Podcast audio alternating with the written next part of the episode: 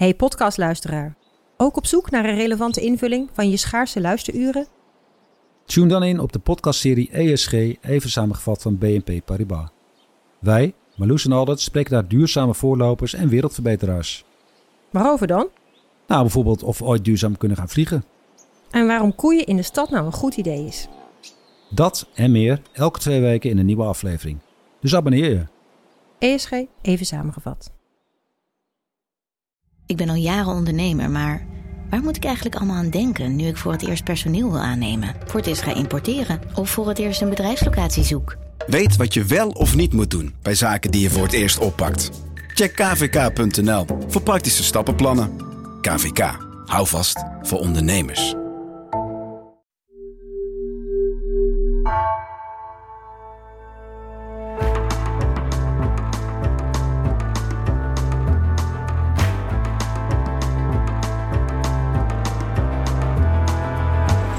Dit uur spreek ik een zoon. Zoon of dochter zijn we allemaal wel, maar Royce de Vries is advocaat en zoon van Peter R. de Vries.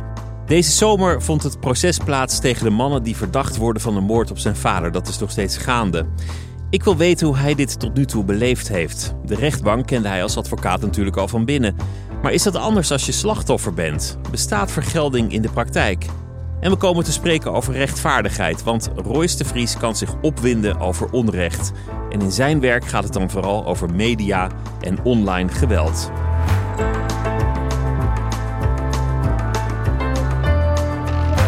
Dit is het uur met Royce de Vries. Mijn naam is Pieter van der Wielen. Royce de Vries, welkom. Dit is onze, onze eerste aflevering van een nieuwe, nieuwe podcast. Het is ook september, dus dat is een beetje dat uh, begin van het schooljaargevoel. Het is een, een fantastische zomer geweest, 2022. Dat, dat kan je bijna niet meer zeggen. Er hangt een soort schuldgevoel omheen van, oh jee, een warme zomer. Hoe moet dat nou met die klimaatverandering? Hoe, hoe, ga jij je deze zomer herinneren?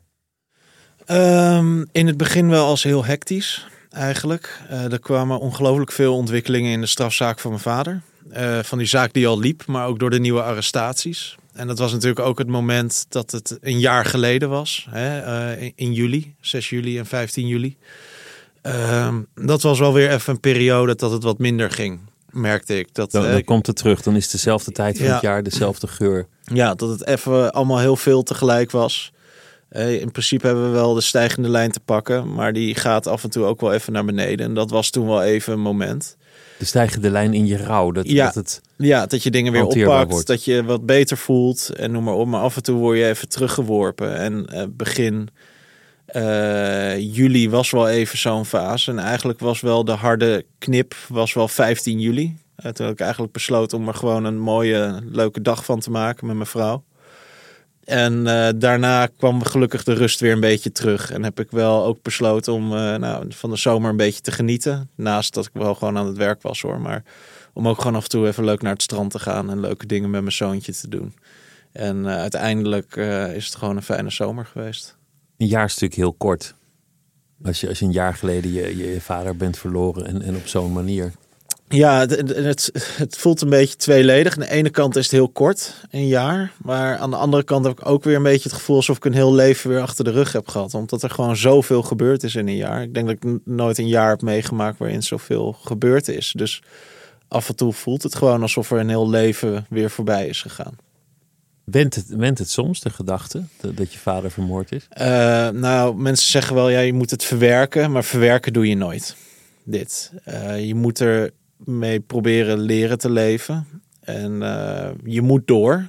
Hè? Dat, uh, dat kan niet anders. Uh, maar echt helemaal verwerken of het helemaal een plek geven of zo, ja, dat, dat, dat nooit echt, denk ik. Nee. Ja, heb, je, heb je altijd geleefd met de gedachte dat het zou kunnen gebeuren? Ja, ja. Het is altijd iets wat in, ik, eh, in mijn hoofd gespeeld heeft. Het vreemde is dat ik nooit, ik ben nooit bang geweest in mijn jeugd. Uh, ook niet voor mijn vader, voor mezelf of iets. Ik heb er nooit van wakker gelegen. Dat is eigenlijk heel vreemd om dat mensen uit te leggen. Maar ik weet niet beter dan dat, dit, dat mijn vader bedreigd werd dat, hè, door criminelen. Mensen die hem niet mochten. Me mensen die een, een, een, reputatie ook hadden op dat vlak.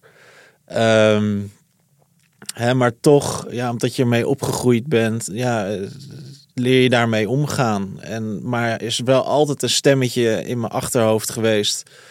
eh, van dat dit kon gebeuren, dat een optie was. Een beetje in de. Ik, ik vergeleek het altijd een beetje. Ja, de moeder van Max Verstappen maakt zich ook zorgen dat Max Verstappen eh, in Zandvoort eh aansta, Uit de bocht vliegt. uit de bocht gaat vliegen. En, en, en dan verongelukt. En dat, dat was het ook met mijn vader. Hè. Ik vertrouwde mijn vader heel erg. eh, hè. ik, ik, ik vertrouwde hem heel erg dat hij dingen goed kon inschatten. En dat is ook 40 jaar eh, goed gegaan. Ehm, hè, maar ja, ja, er is wel een stemmetje in je achterhoofd eh, dat er rekening mee houdt dat dit kan gebeuren. Dat het een risico van zijn vak is. Dit, dit is ook de zomer van het, van het proces. Er zijn, er zijn heel veel ontwikkelingen. Ik, ik denk niet dat we die allemaal moeten behandelen, maar elke keer is er weer iets waardoor het lijkt langer te gaan duren. Ja, Hoe, hoe raakt jou dat? Want dat betekent ook dat het proces steeds langer in je leven zal zijn. Ja, ik, ik vond het wel heel vervelend en naar. Want je, hebt je, al, je had je al helemaal opgeladen eigenlijk voor zo'n inhoudelijke behandeling. Hè, en nou, je spreekrecht uitgeoefend. eh, nou ja, die, de verhalen aangehoord van de officier van justitie, van eh, de verdediging. Ja, en dan, dan hoor je dat dingen toch weer opnieuw moeten. Dat is natuurlijk wel een grote teleurstelling. En nou, ja, ik kan er lang of kort over praten, maar daar baal ik natuurlijk van. Aan de andere kant heeft me ook na die arrestaties die hebben plaatsgevonden, daar waren we heel blij mee als familie natuurlijk, hè, want de onderste steen moet boven. Maar we keken elkaar ook wel weer aan van, goh, dit gaat gewoon wel ons leven zijn, die rechtszaak. De komende vijf tot zeven jaar in ieder geval. Want- Want je gaat overal bij zijn. Je wil ja, alles ik wil, meemaken. ik, ik wil natuurlijk overal bij zijn. Ik wil alles weten. En eh, nou ja, die, die nieuwe verdachten hè, die opgepakt zijn, die gaan vervolgd worden. Hè. Die, die komen waarschijnlijk voor de rechtbank. Inhoudelijke behandeling. Dan komt er weer waarschijnlijk een hoger beroep. Eh, dan komt er misschien weer cassatie. Ja, dan ben je zo vijf tot zeven jaar verder. Eh, en dan ben ik misschien nog vrij optimistisch. Dus het feit dat die ene zaak van die uitvoerders iets vertraagd wordt, is naar en vervelend. Maar aan de andere kant, ja, dit- ik, ik realiseer me dat het toch al onderdeel van mijn leven eh, ja, is geworden en nog wel even zal blijven. Het komende decennium zul jij Ja. naast je werk heel veel tijd in, in de rechtbank doorbrengen. Ja, deed, ik al, deed ik al natuurlijk, maar inderdaad nu ook voor ja, als, als nabestaande, als, als benadeelde partij. Noem, noem je zo iemand. Ja. Hoe, is dat anders? Want je, je kent natuurlijk de ruimte, je kent de procedures. Ja, je zit hier natuurlijk met veel meer emotie in. Als advocaat word je toch een beetje geacht ja, je emotie los te koppelen van de zaak die je, die je behandelt. Een klein beetje, om, toch de nodige distantie te nemen van de zaak die, je- die je behandelt. Natuurlijk moet je wel betrokken zijn en, en met je cliënt meevoelen, maar je moet ook de emotie goed kunnen loskoppelen. En ja, nu ben ik zelf natuurlijk heel erg eh, emotioneel eh, betrokken bij de zaak. Het is het meest dramatische gebeurtenis uit mijn leven. En de mensen die daarvoor verantwoordelijk zijn, hè, waar we vanuit gaan in ieder geval, die staan ervoor terecht. Hè, dus je bent daar echt wel veel meer emotioneel bij betrokken. Eh, aan de andere kant ben ik ook wel heel blij dat ik advocaat ben. Dat ik mijn hele leven natuurlijk ook al een strafzaak heb meegekeken hè, over de schouder van mijn vader. Dus dat ik ook wel heel erg veel dingen kan begrijpen waarom dingen gaan. Eh, hè, waarom eh, advocaten hè, van de verdediging bepaalde verweren voeren. En natuurlijk erger ik me daar ook wel eens aan hè, als, als, nabestaande. zeggen onschuld of als ze, ze proberen Ja. aan te sturen op een, op een vormfout of voor algehele vrijspraak gaan. Ja, nou ja, kijk, ik, ik begrijp dat ze alles uit de kast halen. Ik, ik verwijt ze dat niet. Ik zeg ze gewoon op de gang gedag of iets. En, eh, nou, Denk je ook wel eens, dat, dat doen ze goed? Goh, dat, dat is een, een, een mooie zet. Ja, nou ja, soms denk ik ook wel eens van, goh, wat zou ik doen als een advocaat of zo? Dat is toch misschien een beetje wat dan, wat dan in me zit. En ja, natuurlijk eh, spreek je daarna ook gewoon met de familie van, eh, wat vond je van het verhaal van de, van de advocaten en zo. En daar heb je echt dan wel gesprekken over. En hetzelfde geldt natuurlijk voor het verhaal van de, van de officier van justitie. Of eh, ja, dat bespreek je dan wel gewoon.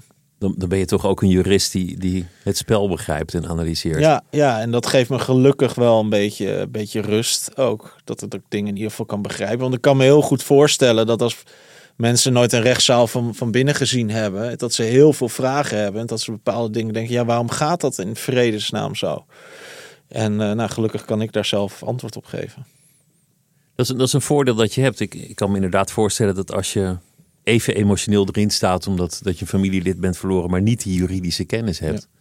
Dat Dat, dat het veel frustrerender wordt nog. Ja, ja zeker. Ja. Dan, uh, ik denk dat je dan veel minder goed begrijpt waarom bijvoorbeeld een advocaat een bepaald standpunt inneemt. Of waarom een bepaalde getuige gehoord moet worden. Of uh, hè, waarom het weer uh, iets vertraagt. Alhoewel de vertraging die nu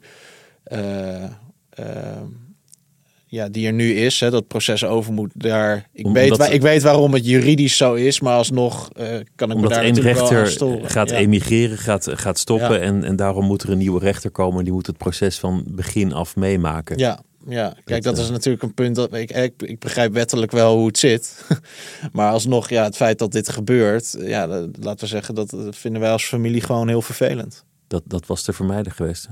Hoe is het om, om uh, de verdachte in de ogen te kijken? De, de mensen waarvan men ervan uitgaat dat ze je vader hebben vermoord. Ja, ik weet, de eerste proforma-zitting hadden we. Toen zagen we ze voor het eerst. Ja, dat was natuurlijk wel eh, een spannend moment. Van, goh, uh, je hebt wel wat fotootjes gezien hè, in op de nieuwskanalen. Maar de eerste keer dat je ze ziet, ja, dan gaat je hartslag toch wel even omhoog van. Uh, van, hè, van ja, wie, wie zijn deze gasten precies die dit gedaan hebben. Is, is die hartslag, is dat spanning? Ja, haat, wel, wel spanning. Uh, haat. Het, ja, het vreemde is natuurlijk, kijk, als zij levenslang de gevangenis ingaan of uh, iets, ja, ik zal de laatste zijn die medelijden met ze heeft. Maar om nou te zeggen dat ik een soort blinde haat nu voel richting hem, dat kan, ja, dat, het is heel, heel vreemd eigenlijk. Dat, dat voel ik nog niet per se. Ik, ik gun ze niks. Ik heb geen medelijden met ze uh, of iets als uh, het feit dat ze vastzitten of iets. Maar ook geen haat. Uh, nou, ik zou ze in ieder geval nooit vergeven. Ik denk dat ik het dan misschien het beste verwoord. Maar, maar blinde haat. Kijk, dit zijn soldaatjes. Dit zijn jongens met uh, die louter aan de uitvoerkant zitten. Ik heb loopjongens. Idee, ja, loopjongens. Ze zijn inwisselbaar geweest. Als zij het niet hadden gedaan, dan, dan, denk ik dat ze andere soldaatjes hadden gevonden. En uh, in die zin, hoe, hoger je in de boom komt, denk ik hoe meer die boosheid zal toenemen richting die persoon. Omdat die echt degene zijn die een bepaalde beslissing nemen. En, uh, maar tuurlijk uh, heb je een bepaald gevoel richting deze persoon. En ging die hartslag omhoog toen ik ze voor het eerst zag. En uh, dat wendt wel na een tijdje, want we hebben nu meerdere zittingen gehad. En ja, dan gaat niet meer per se mijn hartslag daar, daar omhoog van. Of iets als ik ze, als ik ze zie. Reken je ergens op dat, dat ze misschien spijt zullen betuigen? Nee, nee. Ik denk dat ik me daar juist ook wel aan zou gaan ergeren als ze dat zouden gaan doen. Want je zou het niet geloven?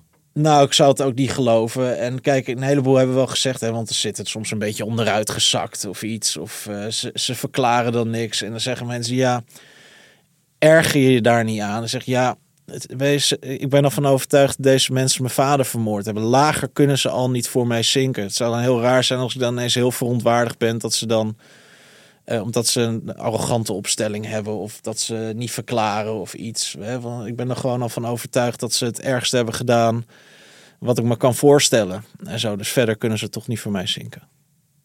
Ze, ze hebben het gedaan met een, met een zekere gemakzucht. Als, als je die, die berichtjes leest die, die geopenbaard zijn door het, door het OM. Ja. Het ging waarschijnlijk, voor zover wij kunnen nagaan, alleen maar om geld. Ja. Om bling bling. Ja. Eigenlijk ook geen gigantische bedragen. Nee. Het ging heel terloops. Ja. Een, een, een zo bijzonder mens, zo'n briljante man, die wordt, die wordt eigenlijk voor een. Waar, waarvoor wordt hij vermoord? Voor, voor, een, voor een mooie auto nog niet eens. Voor een mooi horloge. Ja, je, je een leven is niks waard. Ja, nou ja, maar zo gaat het in die wereld eraan toe. Het gaat soms inderdaad om duizenden of enkele tienduizenden euro's. En dan wordt gewoon ja, over iemands leven beschikt eigenlijk een beslissing genomen van, nou ja, dan voor zoveel duizend euro gaan we iemand om het leven brengen. Het, is ongelooflijk vreed dat dat gebeurt. Maar ja, ze pakken natuurlijk ook aan die uitvoerkant kwetsbare jongens. Hè, met, met bijvoorbeeld een laag IQ of die in de schulden zitten, in de problemen hebben. Uh, waar ze misschien, nou ja, die, die misschien ook chantabel zijn, ik zeg maar iets. Of die, die op een bepaalde manier onder druk worden gezet. Je weet dus niet... misschien zijn ze zelf in, in bepaalde opzichten ook slachtoffer. Hmm, nou, dat, dat vind ik overdreven. Want het is vaak ook wel een situatie waar ze zelf uh, zichzelf ingebracht hebben. Hè, van Ze zijn die schulden aangegaan. Ja, ze zijn bijvoorbeeld al bepaalde schulden aangegaan. Ze hebben bijvoorbeeld al bepaalde misdaden eh, verricht. Of ze zijn eh, al in een bepaalde criminele organisatie betrokken. Hè, dus eh, ja, om nou te zeggen dat, ik- dat ik ze slachtoffer vind, nee, dat vind ik echt veel te ver gaan om te zeggen. Loopjongens. Loopjongens. Inwisselbare soldaten, waar er, waar er vele van zijn, helaas. Ja, dat, dat, dat, is wel waar het naar uitziet, ja. Be- Bestaat er genoegdoening? Dat is, dat is een van de beloftes van het strafrecht. En dan, dan heb je het over strafmaat. Eh, ja, is, is, nou- geeft het een zekere mate van bevrediging van het rechtsgevoel als zij een hoge straf krijgen? Kijk, tuurlijk, eh, op een bepaalde manier wel. Maar ik zeg ook hè, van, ik, ik heb er niks aan. Zelf. Hè, of ze levenslang krijgen of 30 jaar. if- In beide situaties krijg ik mijn vader niet terug. Dus ook als zij levenslang krijgen, dan gaat er geen champagnefles bij mij open. En als zij 25 jaar gevangenisstraf krijgen, ga ik niet in mijn kussen lopen bijten. Daarvan. In ieder geval, dat is hoe ik, daar, hoe, hoe, hoe ik erin sta. In ieder geval. Het enige waarvan ik zeg eh, van waarom levenslang eh, misschien de voorkeur heeft, is dat daar misschien een signaal vanuit gaat naar de organisatie. Dat het misschien toch lastiger wordt. En het, het zal echt niet waterdicht zijn, maar dat het toch eh, lastiger wordt om dit soort soldaatjes eh, te ronselen. Dat ze toch denken, ja, ik wil niet levenslang de gevangenis in. Dan kies ik toch eieren voor mijn geld. Dan ga ik misschien toch op de vlucht of iets. Ja, ik, ik snap ook dat het niet waterdicht is, omdat strafmaat, en er zijn ook wel onderzoeken naar gedaan, eh, ja, niet altijd invloed heeft of mensen wel of niet een misdaad plegen. Dus, eh, maar, In, di- in dit geval kwam het allemaal niet zo rationeel over. Ze, Nee. ze hadden geen vluchtroute, ze hadden helemaal geen plan. Er, er was eigenlijk helemaal niet over nagedacht. Nee, dit, dit was een kamikaze-actie eigenlijk van hun. Ze zijn ook binnen 40 minuten gepakt, geloof ik. Dus, eh, dus ja, Ze hebben dat geld waarschijnlijk ook niet gekregen. dat zou ik niet weten. Ik, eh, dat heb ik niet in het dossier kunnen teruglezen. Hoe, hoe moeten we onze samenleving wapenen tegen dit soort geweld? Als er zoveel soldaatjes zijn en, en, en zoveel bendeleiders en opdrachtgevers die, die zo makkelijk over leven en dood beschikken. Eh, ja, je kan daar meerdere eh, perspectieven in nemen natuurlijk. Hè. Je kan ook kijken van, nou ja, het ziet er naar uit dat dit alles te maken heeft natuurlijk met eh, organisaties die in drugs handelen. Je zou een breder kunnen kijken van hoe gaan wij met dit soort georganiseerde misdaad om? Hoe gaan we met ons drugsbeleid om? Gaan wij nog wel, heeft die war on drugs die al tientallen jaren gaande is, heeft dat wel zin? Want volgens mij is er geen gram minder op de markt gekomen eigenlijk. Er wordt niet minder om wordt gesnoven. Niet, ja, er wordt er niet minder om gesnoven, noem maar op. Je weet dat er vraag is. Ik vind ook nog steeds, want er, je, je, hebt ook wel signalen van mensen, je moet geen drugs gebruiken, want daarmee financier je de criminele eh, organisatie. Maar ik vind ook eigenlijk wel een principieel ding zelf, dat mensen gewoon zelf moeten bepalen of ze wat ze tot zich, hè, wat, ze, wat ze innemen, als ze anderen daar maar niet mee in gevaar brengen, hè, door bijvoorbeeld eh, achter het stuur te gaan zitten. Hè, mensen moeten eigenlijk maar lekker zelf weten wat ze gaan nemen. Ja, Me- Mensen mogen zelf weten welke roes ze Ja, willen precies. beleven. Maar, Precies. maar tegelijk Eh, is het ook wel waar. Ik, ik, maar- ik vind het ook hypocriet van mensen die verontwaardigd zijn over dit, over dit geweld en vervolgens uitgaan en wel die- ja, Ja, maar die je- organisatie Ja, financieren. maar je kan je vragen of het realistisch is om, om eh, ook om de gebruikerskant daarop aan te gaan spreken. Want ten eerste, een heleboel handel gaat ook al ten eerste naar het buitenland. Ik geloof iets van 70 procent. Dus je kan wel de Nederlanders er allemaal op aanspreken, maar alsnog wordt daar gewoon flink aan verdiend. Ehm, en ja, ik, ik denk moet je niet eens na die tientallen jaren gaan kijken van goh, kunnen we niet op een andere manier eens kijken of we bepaalde dingen in ieder geval kunnen gaan legaliseren langzamerhand. Want als je het legaliseert, eh, ja, dan zal ook de criminaliteit daarin gaan afnemen. Ben ik, ben ik van overtuigd. Want ze handelen niet in drugs uit een soort moreel gevoel van wij willen per se in drugs handelen. Nee, het, het wordt ingehandeld door criminelen omdat het juist illega- illegaal is. Omdat er veel geld te maken ja, is. Omdat er daardoor veel geld in te maken is. En ik denk zelfs hoe harder de aanpak is, ja, hoe meer daarin verdiend kan worden. Want hoe hoger die prijs kan worden. Journalist Jan Tromp die schreef er een boek over en die zei dat de, de cocaïnehandel alleen even groot is als drie multinationals bij elkaar. Ik geloof eh, Unilever, Philips Ja. en Shell samen zulke omzetten hebben het over. Ja. Als, als je het legaliseert, dan maak je dat ineens ook legale multinationals. Dat, dat, is, dat is bijvoorbeeld een risico. Ja, kijk, natuurlijk. Hè, ik, ik heb nu niet, kan hier niet een heel plan nu ook als oplossing één klaar. zetten. Nee, tuurlijk. En ik snap ook wel heus wel dat er haken en ogen aan zijn, helemaal op internationaal vlak.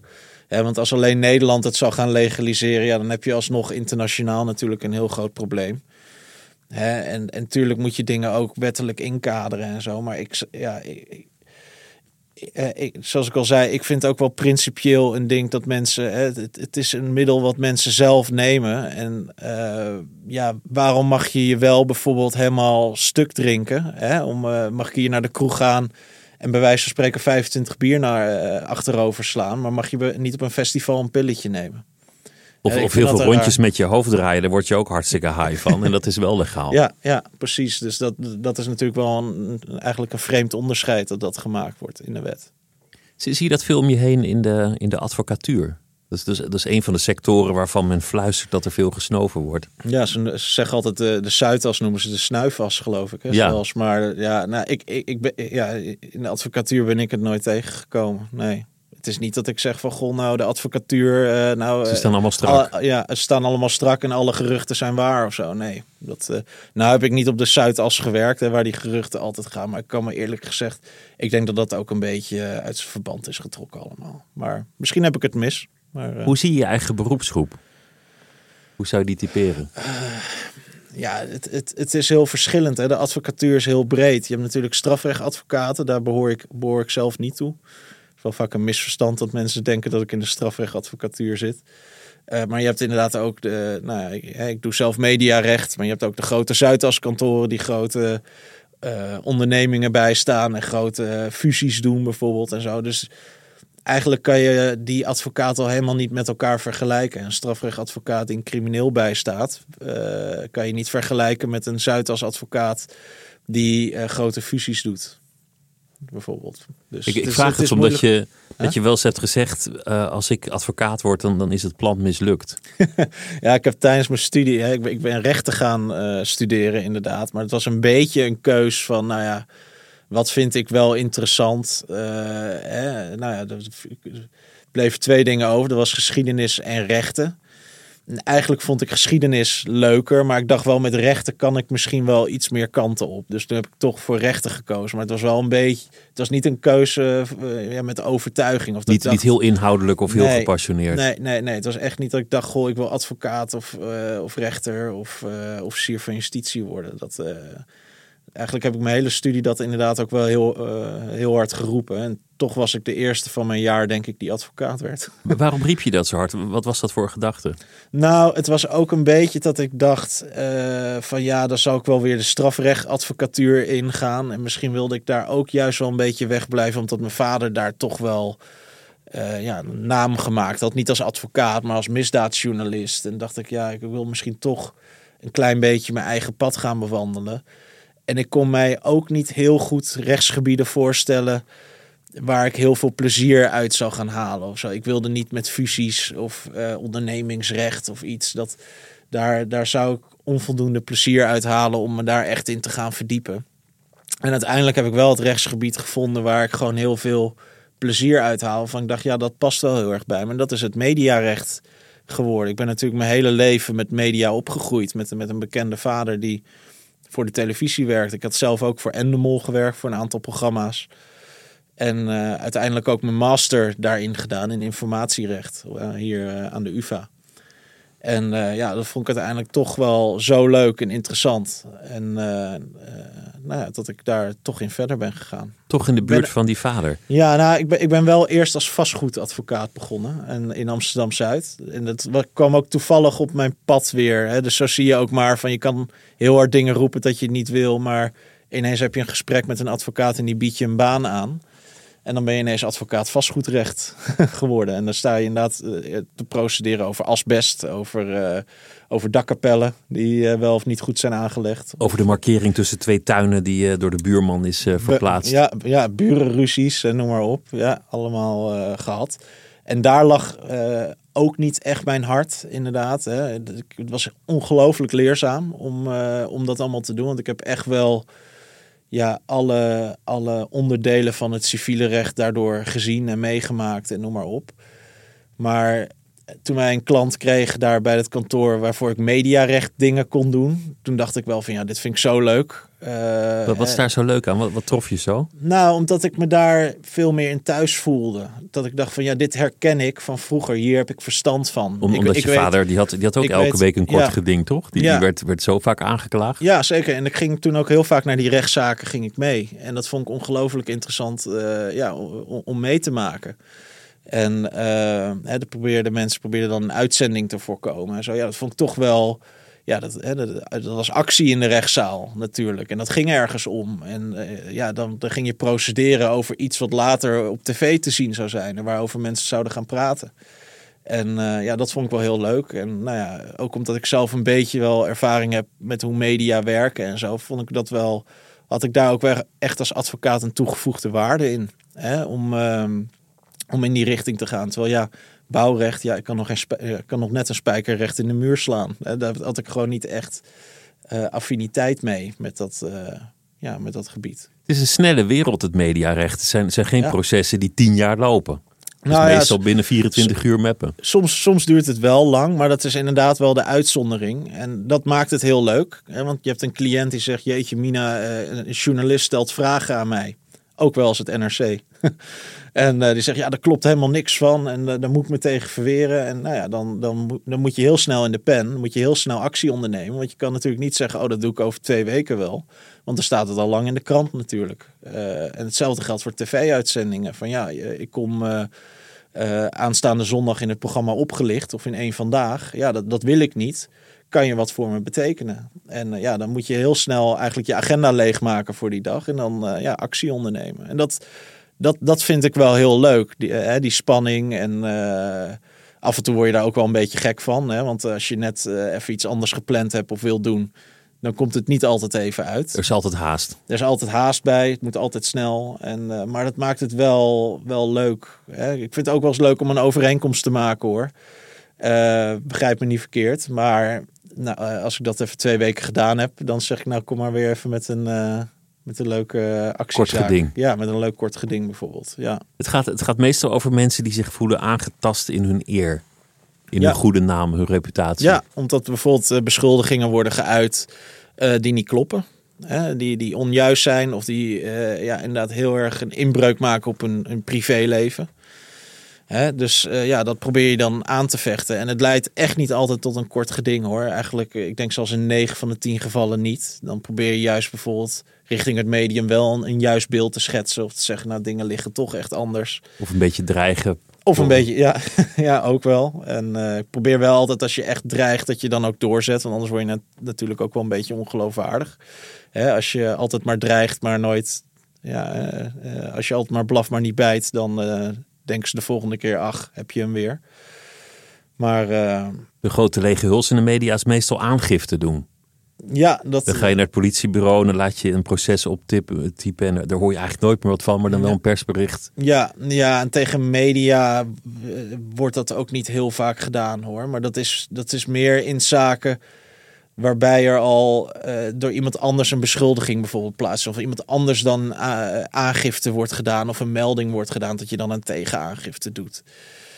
Ja, de ervaring leert inderdaad, daar heb je helemaal gelijk in, dat daar nooit heel veel mee gedaan wordt door de politie. Dan staat het op nu.nl dat de ene BNR aangifte heeft gedaan tegen de ander wegens belediging. Ja hoor je nooit meer wat van. Nee, daar hoor je, hoor je eigenlijk niet heel veel meer van. Dus ik, ik, ik ben daar ook niet uh, heel veel van. Als er aangifte gedaan moet worden, moet je ook wel echt iets hebben waarvan je denkt van nou, daar, daar wordt hier ook echt iets mee gedaan. Want tegenwoordig, inderdaad, de media prikken daar ook wel een beetje doorheen. Hè, van oh, daar heb je weer iemand met een aangifte. Maar die durft geen procedure te starten, zeg maar. Van, uh, dat is dan ook wel vaak veel zeggen, omdat ze weten, met zo'n aangifte wordt toch niks gedaan. Dus uh, heleboel mensen prikken daar gewoon doorheen. Hoe kijk je aan tegen de, de wereld van de media als het gaat over mensen aantasten in hun goede naam? Ik heb de indruk dat mensen vaak erg gemakkelijk met elkaars reputatie omgaan. Nou ja, daar ben ik wel heel erg mee eens. Kijk, allereerst wil ik echt benadrukken: hè, de, media is zo ongelooflijk uh, belangrijk in Nederland. Hè. Het is de vierde macht, om maar even te zeggen. Hè. Het controlerend orgaan eigenlijk van, van de overheid, om maar, om maar te zeggen. En het is ongelooflijk eh, belangrijk dat de media heel veel vrijheid heeft in Nederland. In Nederland hebben ze dat ook gelukkig. Maar ik moet ook zeggen dat, en, als mediarechtadvocaat zie ik daar heel veel voorbeelden van, dat de media soms ook heel slordig werkt, bijvoorbeeld. Uh, dat, uh, of al bepaalde, ja, hoe noem je dat? Uh, vooroordeel heeft, bijvoorbeeld. En daar heel erg dan naartoe werkt. En nou, ik krijg heel vaak klanten uh, of cliënten die, die, die daar echt last van hebben. Hè? En die daar echt door worden benadeeld door media die voor ingenomen zijn of niet zorgvuldig te werk gaan. Hè? Door hele simpele dingen al bijvoorbeeld niet goed te controleren. Bijvoorbeeld een KVK-uittreksel of zo. Van ja, u heeft een bedrijf failliet laten gaan. Ik zeg, nou, wanneer dan? Van uh, het bedrijf bestaat nog of is gewoon uh, opgeheven, maar is niet failliet gegaan. Maar ja, iemand wordt dan wel gezet, neergezet als iemand die wanbeleid heeft gevoerd. Of faillissementsfraude ja, ja, of dat ja, soort dingen. Ja, ja, en daar heb ik zo ongelooflijk veel, uh, veel voorbeelden van gezien. Dus ik, ik, laten we zeggen, ik ben soms heel erg onder de indruk van media als ik uh, uitzendingen zie. Maar ik heb ook wel echt de kant gezien dat media gewoon heel onzorgvuldig en slordig werken. Wat je vaak krijgt is in de, in de beleving van het publiek waar rook is, is vuur. Oh ja, daar was toch iets. En ook al is het gerectificeerd, ja, ja, dan, dan blijft dat toch hangen. Dat is altijd eigenlijk als er, als er beschuldigingen zijn. Nou, om even dan naar mijn vader terug te keren. Je hebt bijvoorbeeld uh, nou, de Puttense moordzaak. De twee, de twee van Putten heb je. Nou ja, die zijn ten eerste vrijgesproken na een herziening. En waardoor je eigenlijk al zou moeten zeggen, nou, is eigenlijk wel vastgesteld dat deze mensen niks gedaan hebben. Maar toch werden ze nog altijd met de nek aangekeken uh, door een heleboel mensen in Putten. Uh, hè, zelfs toen er de daadwerkelijke moordenaar uh, werd vervolgd en veroordeeld en er een DNA-match was. Zelfs toen waren er mensen die inderdaad dachten, waar rook is, is vuur. En dat heb je natuurlijk ook met mediapublicaties of op andere vlakken. Hè, dat mensen denken, ja, er is een beschuldiging. Hè, of er is een aangifte gedaan. Uh, nou, dan zal er wel iets verkeerd gedaan zijn. Terwijl ik vind dat we veel meer naar een situatie moeten. Uh, hè, want een, een, beschuldiging van iemand, dat kan echt ongelooflijk veel schade veroorzaken. Hè, zowel op zakelijk vlak als ook op privévlak. Hè, met MeToo-beschuldigingen bijvoorbeeld. Uh, hè, als, je, als je daar zomaar als medium mee komt van ja, iemand doet daar een melding van. Of anonieme beschuldigingen. Of anoniem, of iemand heeft een aangifte gedaan. Uh, zelfs dan vind ik, als er sprake is van één situatie, dat je als medium daar heel voorzichtig in ieder geval mee moet zijn omdat je daar echt, uh, ja, mensen denken gewoon waar rook is, is vuur. En die denken, oh, er is een melding gedaan. En die nemen dat vaak voor waar aan, terwijl het eigenlijk nog onderzocht moet worden. Hè? En uh, natuurlijk heb je daar ook wel gradaties in. Hè? Kijk, als er echt bijvoorbeeld twintig melders zijn, uh, hè, met, met allemaal een, een, een goed verhaal en, die allemaal aangifte gedaan hebben, ja, dan kan je wel vermoeden dat er echt wel iets mis is met die persoon. Maar ik vind dat er heel terughoudend uh, mee omgegaan moet worden als er bijvoorbeeld nog maar sprake is van één aangifte of één melding. Want ja, dat, dat kan, uh, het hoeft niet per se altijd allemaal maar waar te zijn. En zo'n beschuldiging, ja, dat, dat heeft zo'n invloed op iemands thuissituatie of op iemands werkvlak en noem maar op. Hè. Ja, dat is toch die cancelcultuur ook tegenwoordig. Hè, van ja, iemand moet dan maar meteen uh, met pek en veren eigenlijk uh, bijvoorbeeld in de media of helemaal op sociale eh, media worden neergezet. En ja, ik vind dat ook op een bepaalde manier wel een zorgelijke ontwikkeling. Dat eigenlijk onderzoeken niet meer worden afgewacht. En dat mensen toch al een klein beetje veroordeeld worden. En het is moeilijk om je daar tegen, te verdedigen als het je overkomt. Uh, het is ongelooflijk moeilijk om dat te doen. Het zijn vaak, uh, het gaat over hele oude uh, beschuldigingen. Hè, en dat is ehm, vaak het, nou, het woord van de melder tegen het, het woord van de verdachte eigenlijk. En dat is in beide situaties is dat lastig. Hè? Dat is voor de, dat wil ik ook benadrukken, dat is voor de melder heel lastig.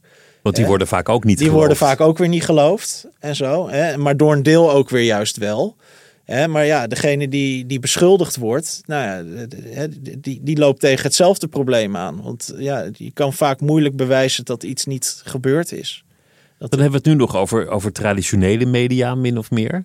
Ja. Maar online gebeurt natuurlijk van alles. En, en, dat is helemaal moeilijk om, om je tegen te wapenen. Allereerst al om degene te vinden die de beschuldiging uit.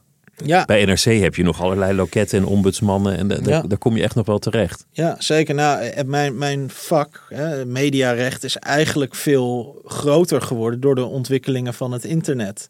Want vroeger inderdaad, eh, nou, had je inderdaad de grote kranten en, de- en de tv-media en nog, nog wat eh, magazines misschien. Maar ja, dat, eh, was af en toe misschien wel, wel een kort geding voor. Maar eigenlijk, ik denk wel 80% van mijn zaken nu zijn onrechtmatige uitlatingen. Gewoon van mensen die op internet iets zeggen, die op Facebook iets zeggen, die in een vlog iets zeggen, op YouTube of, eh, of noem maar op. Het mediarecht is daar ongelooflijk veel breder geworden, want iedereen is in principe journalist, iedereen heeft een podium. Iedereen kan een juice channel beginnen Iedereen als kan, de, de iedereen, tijd kan, heeft. ja, iedereen kan een juice kanaal beginnen en zo. Dus eh, ja, mijn, mijn, mijn rechtsgebied is ontzettend in ontwikkeling op dat gebied. En ehm, eh, ik denk dat het aantal mediazaken ongelooflijk is toegenomen de afgelopen jaren door de ontwikkelingen van het internet.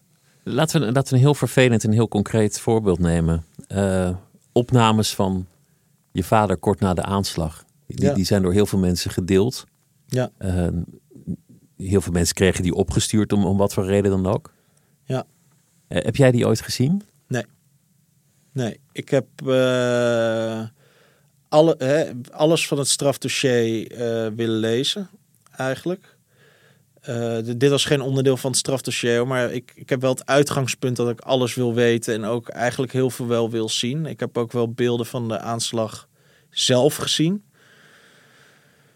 Hè? ehm, dat was allemaal heel vaag en ver weg, eh, gelukkig. Hè? wa- wa- Waardoor dat, eh, nou, het was heftig om te zien, maar gelukkig eh, nou, daar geen trauma van opgelopen. Maar ik heb die beelden van kort na de aanslag die rondgestuurd zijn, die heb ik heel bewust nog niet gekeken. En ik vond wel heel naar dat dat rondging, die, die, die beelden. Dat iedereen dat gezien heeft. Eh, ook omdat hierbij wel gaat, hè, dat het waarschijnlijk door de organisatie zelf is georganiseerd dat die beelden er kwamen om die schok te vergroten. Dat is door mensen, handlangers gefilmd. Ja, ja En nou, in ieder geval, ja nou, er zijn nu twee verdachten voor opgepakt die die beelden gemaakt zouden hebben. En die worden daarvan verdacht dat ze onderdeel uitmaken ook van die organisatie. Om schrik aan te Ja. jagen bij potentiële nieuwe ja, zeker. slachtoffers. Ja, ja, precies. Eh, hè, en eh, nou ja, dat, dat lijkt wel zo heel, heel erg op terrorisme zelfs. De, hè, eh, Schrik aanjagen. Ik, ja, schrik aanjagen. En het feit dat mensen die beelden delen met eh, doorsturen of op eh, geen stijl zetten of, of weet ik veel allemaal. Ja, die hebben eigenlijk die organisatie daarmee gefaciliteerd. Hè, door die, die, ja, die, die schrik te vergroten, die schok te vergroten. Door dat online te zetten en door te sturen. En ik vind, hè, want ik hou me daar heel erg veel mee bezig ook. Hè. Je hebt het in een heleboel vormen ook. Hè. Bijvoorbeeld ook met seksuele content. Hè, dat filmpjes van mensen worden doorgestuurd. Hè. Denk maar bijvoorbeeld aan Patricia Pai. eh, hè, maar er zijn tientallen andere voorbeelden. Dat mensen zomaar beelden doorsturen. En iedereen wijst altijd heel erg bijvoorbeeld naar de wetgever. Van ja, er moet meer wettelijke bescherming komen voor dit soort mensen en noem maar op. En daar ben ik voorstander van, begrijp me niet verkeerd. Maar dat gaat niet werken zolang het besef niet bij mensen leeft dat je dit soort beelden gewoon niet door moet sturen. Dat, dat, dat, daar, moet zijn echt- eigenlijk die daar, mensen- moeten, daar moeten mensen echt in opgevoed gaan worden, vind ik. Eigenlijk al op school. Er moet daar heel veel aandacht voor komen. Dat je gewoon echt mensen beschadigt. Want eigenlijk is het ook heel laf dat mensen dat doen. Dat soort Die, die zijn zich doorsturen. waarschijnlijk zelf van geen kwaad bewust. Die zijn zich van geen kwaad bewust. Maar ik weet zeker helemaal als het om beelden van seksuele content gaat. Als iemand naast je staat waarom het gaat, dan zou je het nooit doorsturen. Je stuurt het alleen maar door omdat je denkt, ja, diegene weet het niet dat ik het doorstuur. Dus het is een gebrek aan bewustzijn. Het is een gebrek, aan, ja, gebrek aan bewustzijn of iets. eh, hè, maar ik vind echt dat daar een verandering in moet plaatsvinden bij de mensen zelf al. Daar, daar, daar begint dat. Maar het is ontzettend moeilijk te, te zien en te controleren wat in een WhatsApp-groep gebeurt. Ja, daarom, ja, dat is ook veel moeilijker op te sporen dan wanneer het bijvoorbeeld op een website staat. Een website kan je inderdaad vaak nog aanspreken. Hè, of iemand op een sociaal media kanaal, dat lukt nog wel. Maar WhatsApp, dat vindt eigenlijk buiten het zicht. eh, ja, vindt dat plaats dat dat, dat dat rondgestuurd wordt. Dus je kan onmogelijk, ja, die, die, die vlek kan je eigenlijk onmogelijk stoppen. Omdat je mensen, je weet niet naar wie het is doorgestuurd allemaal. En wie die mensen het weer, hè, naar wie het gestuurd is, aan wie, uh, aan wie zij dat weer hebben doorgestuurd. Dus uh, ja, dat is vaak lastiger dan wanneer iets in het zicht gebeurt en gewoon uh, op een website gebeurt. Het angstaanjagende is, je had het over reputaties van mensen door, Ja. door onterechte berichtgeving. Je hebt zaken gedaan over eh, mensen die bijvoorbeeld zijn verdacht van fraude, op wat voor manier dan ook. Ja. Die, die hun, eh, hun goede doel of een bedrijf failliet zagen gaan daardoor. Ja. Het gaat over reputaties van publieke figuren. Maar, maar nu heb je het ook over hele gewone mensen die het kan overkomen met Ja. seksuele filmpjes. Ja. Er, er is niet, er is misschien wel een dader in eerste aanleg. Iemand die het filmpje maakt of voor het eerst verspreidt. Maar daarna is het een soort anonieme mop die de misdaad begaat. Ja, e- eigenlijk wel. En, en ook wat mensen niet realiseren, dat was dus bij mijn vader al het geval. Hè, dat dit eigenlijk ook het doel was van de criminele organisatie. Om deze beelden zoveel mogelijk te verspreiden. En dat mensen dat door door te sturen, dat ook faciliteren. Maar dat geldt ook vaak voor beelden met seksuele content. Daar zit vaak bijvoorbeeld rancune achter van een ex, hè, een, een wraakactie. Of soms zelfs chantage. Dat heb ik ook wel meegemaakt. Dat iemand gehackt was en gechanteerd werd. En het werd vervolgens online gegooid. Ja, dege- degene die dat publiceert of verspreidt, die, die, die helpt, zo, eh, helpt zo iemand die, die eh, ja, een, een criminele daad heeft begaan. Eh, dat wordt gewoon op die manier gefaciliteerd. En ja, dat zijn mensen zich onvoldoende van, eh, ja, bewust van. Een vorm van heling. Verontwaardigt het je? Ben je emotioneel betrokken bij, bij dit soort dingen? Is, is het iets Nou, wat jou, jou persoonlijk drijft? Nou, jawel, want ik heb heel vaak natuurlijk deze mensen tegenover mij gehad, wie dit is overkomen. Het is mij nu zelf dus ook eh, op een bepaalde manier overkomen. Eh, dus ik heb wel, als mensen eh, iets naar mij toesturen van die aard, hè, bijvoorbeeld, dat was al het geval bij Patricia Pai, dat ik mensen daar wel op aanspreek al. Dat ik denk, nou, het begint bij mezelf in ieder geval, ik stuur het niet door, maar als ik het krijg van mensen, dan spreek ik ze er ook op aan. Hou op met deze Ja, onzin. ja, stuur dit niet door naar mensen. Stel, het is een familielid van jou wie dit overkomt. En, eh, want ik heb dat gewoon heel veel gezien bij mensen. Het verdriet daarover, de angst. En het kan mensen echt tot wanhoop drijven. eh, als zoiets overkomt. Mensen, mensen zien soms echt het leven niet meer zitten als dat, eh, als dat gebeurt. Eh, hè, en mensen ja, realiseren zich dat niet als, als ze zoiets doorsturen, zo'n filmpje. Jij bent waarschijnlijk wel grootgebracht met een reusachtig rechtvaardigheidsgevoel. Ik kan, me haast niet voorstellen dat dat anders was. Ja, ik, denk het wel. In ieder geval. Eh, ik heb natuurlijk wel heel erg met mijn vader ja, daar een opvoeding in gehad. Van ja, dat je daarvoor op moet komen. En dat als je een bepaald. Als je vindt dat iemand onrechtvaardig wordt behandeld, dat je daar wel iets mee doet. In ieder geval. Dat je niet wegkijkt of dat je doorloopt. niet wegkijkt of doorloopt, inderdaad. Ja, precies. Dat eh, heb ik wel een eh, goed voorbeeld gehad in mijn jeugd. Ik, ik was altijd een groot fan van je vader en van zijn programma's. Maar ik heb altijd gedacht dat hij een workaholic was die, die hooguit thuis kwam om zijn jas te halen. Dat Nee. pas na zijn dood heb ik geleerd dat hij een heel betrokken vader was. Ja. Dat hij daar ontzettend veel tijd ook nog voor vrij wist te maken. Ja, ik, eh, hè, mijn vader was inderdaad een harde werker. Eh, Ik denk, nou, ik denk dat eh, een werkweek van 60 uur gewoon heel normaal was voor hem. Maar hij was er altijd. Hij heeft iedere zaterdag eh, stond hij langs de lijn. Is hij mijn coach geweest, bijvoorbeeld ook van het elftal. Ging hij op zondag nog extra met me trainen. En iedere dag eh, als hij thuis kwam van werk gingen we even op straat voetballen.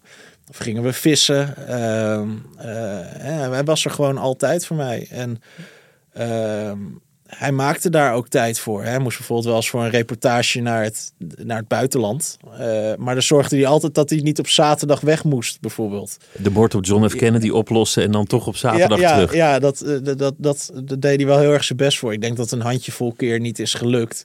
En hij zei dat ook niet tegen, tegen Endemol dan bijvoorbeeld. Van ja, ik moet zaterdag bij mijn zoon kijken. Hè, eh, voetbal kijken. Maar dat was dan wel de daadwerkelijke reden dat hij dan zei van ja, eh, nee, ik, ik, laten we op zondag maar weggaan. Of op maandag weggaan. Want dan kon hij eh, bijvoorbeeld bij mijn voetbalwedstrijd kijken. En ja, ja, ik ben eigenlijk mijn hele leven altijd hand in hand met hem gelopen. Hè, vroeger naar het voetbalveld toe. Eh, maar later zijn we ook, eh, hè, heb, heb ik die hand eigenlijk niet losgelaten. Ben ik eh, met hem gaan samenwerken. Eerst als, als voetbalmakelaar, als zaakwaarnemer. En later zijn we samen een advocatenkantoor gestart. Toen ik wegging bij dat advocatenkantoor in Amsterdam Zuid. Er- Er was een soort publieke Peter en een, en een private Peter. Ja, En, en de private Peter was een veel zachtaardiger, sentimenteler, gevoeliger man dan, dan je zou vermoeden. Ja ik ben eigenlijk altijd wel verbaasd over dat mensen dat nooit, nooit gezien hebben ehm, in hem. Eh, omdat ik ook wel heel vaak juist zag op tv dat hij heel gevoelig was, heel emotioneel werd van bepaalde dingen. Eh, ik zat wel eens met mijn vrouw op de bank en dan werd de tv te kijken naar hem en dan werd hij weer emotioneel. En dan zei, zeiden wij tegen elkaar, oh, daar gaat hij weer. wij moesten eigenlijk alweer een beetje om lachen van, eh, goh, hij wordt weer eh, verdrietig eigenlijk om iets. Ehm, en dat is hij eigenlijk altijd, altijd geweest. En ehm, dus ik heb me daar wel een beetje over verbaasd dat mensen Dat, niet wilde zien. dat niet wilden zien of niet hebben gezien. Aan de andere kant begrijp ik het ook wel. En mijn vader is wel een heel erg op zijn privacy gesteld geweest altijd. Hij heeft nooit gewild dat dingen in de roddelbladen kwamen. Dat vond hij, vond hij altijd heel vervelend. Dus hij heeft altijd heel erg gewaakt over dat, dat zijn privéleven niet te veel in de, in de media kwam. Ja, hij, hij nodigde nooit een camerateam thuis uit, bijvoorbeeld. Dat was eigenlijk een, een no-go area. En hij gaf een bepaald soort interviews ook zelden. Hij, kon heel eerlijk zijn, maar, maar bepaalde rubrieken sloeg hij liever over. Ja, ja, ja nee, dat klopt. En eh, kijk, hij was veel op tv te vinden, maar dat was wel over het algemeen de, de, de wat, wat serieuzere media natuurlijk. En eh, dat ging ook wel vaak dan over serieuze onderwerpen. Hè. Dat ging over een kind dat vermist was of dat vermoord was.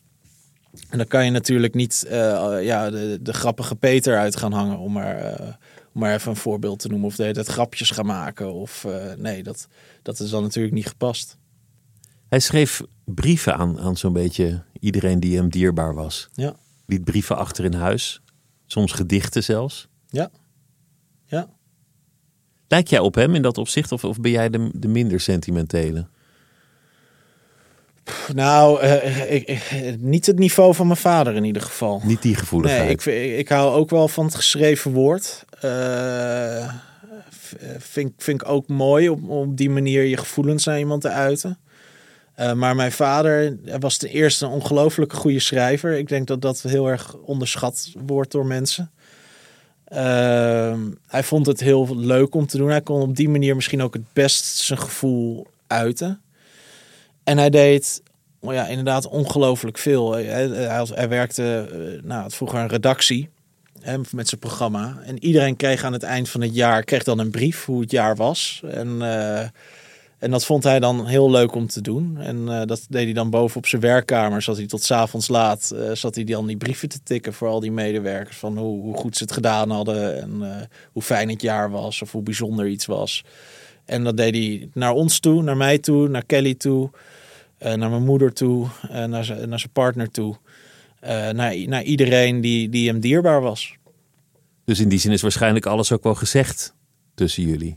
Ja, ik heb eh, nooit het gevoel gehad, hè, daar ben ik ook wel heel blij mee, eh, na het overlijden van, goh, had ik maar of iets. Hè? Of had ik nog maar dit gesprek met hem gehad? Had ik nog maar meer tijd met hem besteed? Want ik zag mijn vader al iedere dag en heel vaak zaten we gewoon ook eens even een uurtje met elkaar te praten over van alles en nog wat. Ehm, hè, we kenden ook eigenlijk helemaal geen geheimen of iets voor elkaar. Ehm, hè, dus dat, dat gaf me wel een heel fijn gevoel in, in alle ellende die er was. Van god, dat ik niet spijt had van dingen. Wat je wel eens hoort van mensen. Oh, we hadden ruzie of we hebben dingen niet uitgesproken of iets. Nee, dat, eh, alles is wel gezegd. Ik had alleen eh, gehoopt dat het natuurlijk nog veel, veel langer had kunnen duren allemaal. Een, een ander aspect aan, aan Peter, wat, wat weinig mensen hebben gezien, is zijn gevoel voor humor. Ja. Ik vond hem onbedaarlijk grappig bij Vlagen. Heel scherp, Ja. droge humor, maar hij was ontzettend geestig. Ja, Ik heb meer dan eens, ook gewoon op tv hoor, tijdens optreden, zo hard moeten lachen om, Ja. om, eh, ja. om zijn gevatheid. Ja, ja. Ja, zeker. En we, we hadden ook wel, hè, we hebben natuurlijk heel veel contact met RTL Boulevard gehad, ook, ook over de uitzendingen die ze maakten. En bij ons was ook wel echt de wens dat eh, ja, een, lachende vader heel veel in beeld zou komen. Hè? Dat, eh, de keren dat hij aan de desk stond en dan inderdaad grapjes maakte of lollig was of noem maar op. Want daar eh, herkennen wij echt onze vader in. Hè, tuurlijk vind ik het ook fijn om te zien als je aan een talkshowtafel zit. Maar dat is een beetje mijn werkvader, om maar te zeggen. En wij vonden het heel fijn, hebben we toen tegen Boulevard gezegd. Joh, kom eens even met een leuke compilatie van de grapjes en grollen eh, die ze daar aan de desk hebben uitgehaald en zo. Daar herkennen wij hem heel Dat erg. typeerde hem dat ook. typeerde hem heel erg, ja. Was een keer dat Paul Witteman zei eh, over, over Joram van der Sloot: van het is toch psychologisch verklaarbaar dat, dat iemand eh, liegt. En, toen zei Peter heel droog: Nou, Paul, ik weet niet waar jij psychologie hebt gestudeerd. ja, Dat, ja. dat, dat, dat is, dat is Ja. ontzettend grappig. Ja, ja, ja. Ja, hij was er wel altijd heel, heel ad rem in. En ja, we konden gewoon heel veel lachen samen en zo. Dus dat, eh, ja. Hoe, hoe ga je om met zo'n nalatenschap? Het is natuurlijk zo'n gigantische persoonlijkheid die ook een soort krater achterlaat. Ja, Al die, al die families waar hij nog contact mee had, alle projecten waar hij bij betrokken was, Zeker. alle dingen die hij nog wilde. dat is natuurlijk een heel, eh, heel breed. ehm, en gelukkig eh, doe ik dat niet alleen. maar doe ik dat met mijn zus en ook mijn moeder. Dat we daar wel heel erg over waken. Eh, hè, op meerdere, meerdere terreinen. Inderdaad, de, de andere nabestaanden die er zijn. Hè, eh, inderdaad, de, bijvoorbeeld de familie Verstappen, om maar eh, te noemen. Hè, maar ook inderdaad van de familie Groen. En dat probeer ik Kelly en ik toch wel een beetje op te gaan pakken. Hè, dat we contact met ze houden, dat we ze bijstaan als er iets gebeurt. Ehm, dat we proberen voor te zetten. En daar zeggen we natuurlijk gelijk bij dat wij niet de, de power, kennis en kunde van mijn vader hebben. Want wij, komen daarin pas net kijken natuurlijk. Ehm, ja, maar wij vinden het wel heel belangrijk, ook voor onze eigen verwerking, om, om dat soort dingen eh, eigenlijk op te pakken. Dat, dat dat in leven wordt gehouden, dat, het niet ophoudt. Ja, dat dat eh, gewoon eh, doorgaat. En ja, dat, dat, dat vind ik wel heel fijn. En gelukkig kan ik als advocaat natuurlijk ook daarin wel heel vaak een rol spelen voor, voor deze mensen. En ehm, eh, kan ik op mijn manier, eh, nou ja, eh, eh, begeleiding bieden bijvoorbeeld, of advies geven, of ondersteuning bieden en zo. En ja, en dat voelt wel gewoon heel goed eh, om dat te doen. Ja. Want, want hij was in extreme mate betrokken bij, bij sommige zaken in het bijzonder. Ja, Hij ging elk jaar naar het, het graf van een jongetje die vermoord was, waarvan de zaak niet was opgelost. ja. En beloofde aan dat graf Petertje dat hij zich zou, Ja, zou inspannen. Ja, dat is de zaak van Petertje Oort. Maar zo zijn er inderdaad heel veel eh, zaken. En kijk, ik heb mijn vader, ik heb met hem op kantoor gezeten. Ik heb zelfs met hem een, kamer, een, werkkamer gedeeld. En ik, ik zag hoe hard hij werkte al. En daar was ik altijd al onder de indruk van. En eh, zeker op latere leeftijd zat ik nog wel eens op vrijdagavond in de kroeg. En dan kreeg ik om half twaalf nog een mail van hem. Had, je nog, had je nog hier naar gekeken? En dan dacht ik, nou, vrijdagavond half, half twaalf, moet dat nu? Maar dan dacht ik wel van, jongen, jongen, hij zit nog wel weer achter zijn computer. Dus ik was, ik, ik zag natuurlijk bij zijn leven al dat hij ongelooflijk hard werkte. Maar na zijn overlijden ben ik, was ik er nog steeds eigenlijk verrast over van hoeveel hij deed. En werd ik nog steeds met verhalen geconfronteerd van mensen waar ik niet van op de hoogte was. Terwijl ik toch wel durf te beweren dat ik van heel veel op de hoogte was wat, wat hij deed. En, eh, en eh, wat hij allemaal deed voor mensen. Maar eh, ja, het, het was ongelooflijk. Een delicaat punt, de betrokkenheid bij Nabil B. Ja. Hoe, hoe, hoe moet het daarmee? Hoe moet het daarmee? Nou ja, die, hij heeft twee advocaten. Het verdedigingsteam bestond uit, bestond uit drie mensen. eh, mijn vader, Onno de Jong en eh, Peter Schouten. En ja, ze moeten eh, zonder mijn vader verder. Jij, jij hebt niet daar betrokkenheid bij. eh. Nee. Nee. Er is op een gegeven moment gezegd dat ook jij gevaar liep. Ja, ik ben wel advocaat van familieleden geweest van Nabil B. Maar dat heb ik om twee redenen neer- neergelegd. Of, heb ik, nou, na, eigenlijk op het moment van de aanslag van mijn vader. Ik heb toen mijn, eh, mijn moeder en mijn vrouw moeten beloven dat ik daarmee zou stoppen. En dat heb ik toen gedaan. Ook omdat mijn naam op straat was komen te liggen. Want ik deed dat op anonieme basis. Ehm, hè, maar ja, van de vrij, overheid. Ja, vrij kort daarvoor is mijn naam op straat komen te liggen. Daardoor. En eh, nou, in het ziekenhuis op 6 juli stond mijn moeder voor me. Samen met mijn vrouw. En ze zei, je gaat nu stoppen met die zaak. Heb, heb jij toen angst gekend in die periode? Nou, ik ben zelf niet angstig ervoor. Maar ik had eh, richting mijn omgeving... geen goede argument om te zeggen eh, van eh, joh, ik, ik, ga, ik ga wel door. Ik, dat kon, kon ik gewoon niet maken toen. En ik moet wel zeggen, het is wel de meest pijnlijke beslissing in mijn loopbaan tot nu toe geweest. Ik heb het daar nog steeds heel erg moeilijk mee. Waarom? Nou, omdat ik toch het idee heb dat ik mensen in de steek heb gelaten. Dat ik dat op die zin, in die zin de aanslag toch nog nut misschien heeft gehad voor bepaalde groeperingen. Dat de Ik- afschrikkende wekking heeft gewerkt. ja, en dat, dat, voelt bij mezelf niet goed dat ik dat gedaan heb. Ik denk dat het ook wel heel begrijpelijk is. Maar ja, ik denk dat... Me, eh, wat begrijp ik dat ik ermee stop? Of dat ja, dat je, dat je ermee stopt. Ja. Ja, eh, dat zeg ik. Ik ik begreep ook echt wel als ik naar mijn omgeving keek dat ik, dat ik hun wens niet in de wind kon slaan.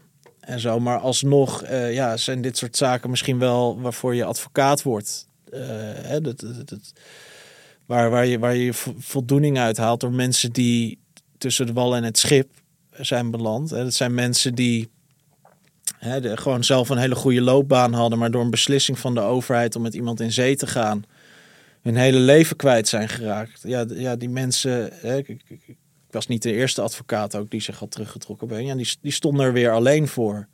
En ja, ik vond het ongelooflijk pijnlijk en verdrietig dat ik dat moest doen. En ik vind dat nog steeds heel erg lastig. Maar ja, ik, ik, eh, ik kan niet anders.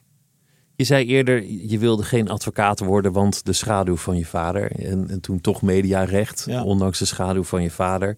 Dit gesprek ook, je ontkomt er niet aan, is, is voor een groot deel ook toch de Ja. schaduw van die vader. Ja. Hoeveel dingen je zelf ook doet. Ja. Wat, wat is dat voor schaduw? Is dat, is dat vervelend? Is dat een gevoel van trots? Eh, nu is het trots. Eh, ik heb het in mijn jeugd. Vond ik het wel moeilijk om daarmee eh, een houding in te vinden, denk ik. Hè, de ene kant was ik natuurlijk heel erg trots wat mijn vader deed. En de andere kant wil, hè, was ik natuurlijk eerst de zoon van. En daarna was ik Royce eigenlijk. Hè, voor, voor een heleboel mensen. En dat vond ik wel eens lastig en vervelend. En, maar op latere leeftijd heb ik het maar ook wel gewoon omarmd. In de zin van eh, dat ik dacht, nou ja, ik ben toch ook met mijn vader gaan werken. Hè? Eh, en toen dacht ik, ja, ik vind het ook gewoon heel leuk om met mijn vader te werken. Ik had gewoon een hele fijne band met hem. Ik kom, eh, een blik was al genoeg tussen ons twee. En dacht ik, ja, dan kan ik wel heel principieel gaan zijn. Dat ik zeg, ja, ik wil zonder mijn vader een carrière bouwen enzovoort. Maar ja, ik, ik, vond het gewoon heel fijn om met hem te werken. En nu helemaal naar wat er gebeurd is, ben ik gewoon heel blij dat ik dat ook gewoon gedaan heb. Dat ik met hem die samenwerking ben aangegaan. En dat ik, eh, eh, dat ik al die tijd met hem door heb kunnen brengen en zo. Dus het is eigenlijk een beslissing nu waar ik achteraf gewoon heel erg blij mee ben. En eh, trots op ben dat, dat hij gewoon mijn vader is. En dat ik heel veel met hem heb kunnen doen.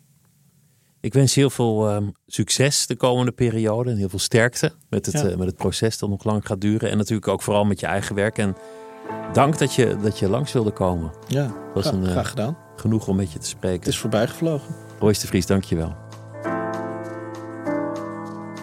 Dit was Het Uur, een podcast van NRC. Deze podcast werd mede gemaakt door Else van Driel, Anouk van Kampen en Mira Zeehandelaar. Chef van de audioredactie is Anne Moraal. Mijn naam is Pieter van der Wielen. Graag tot volgende week.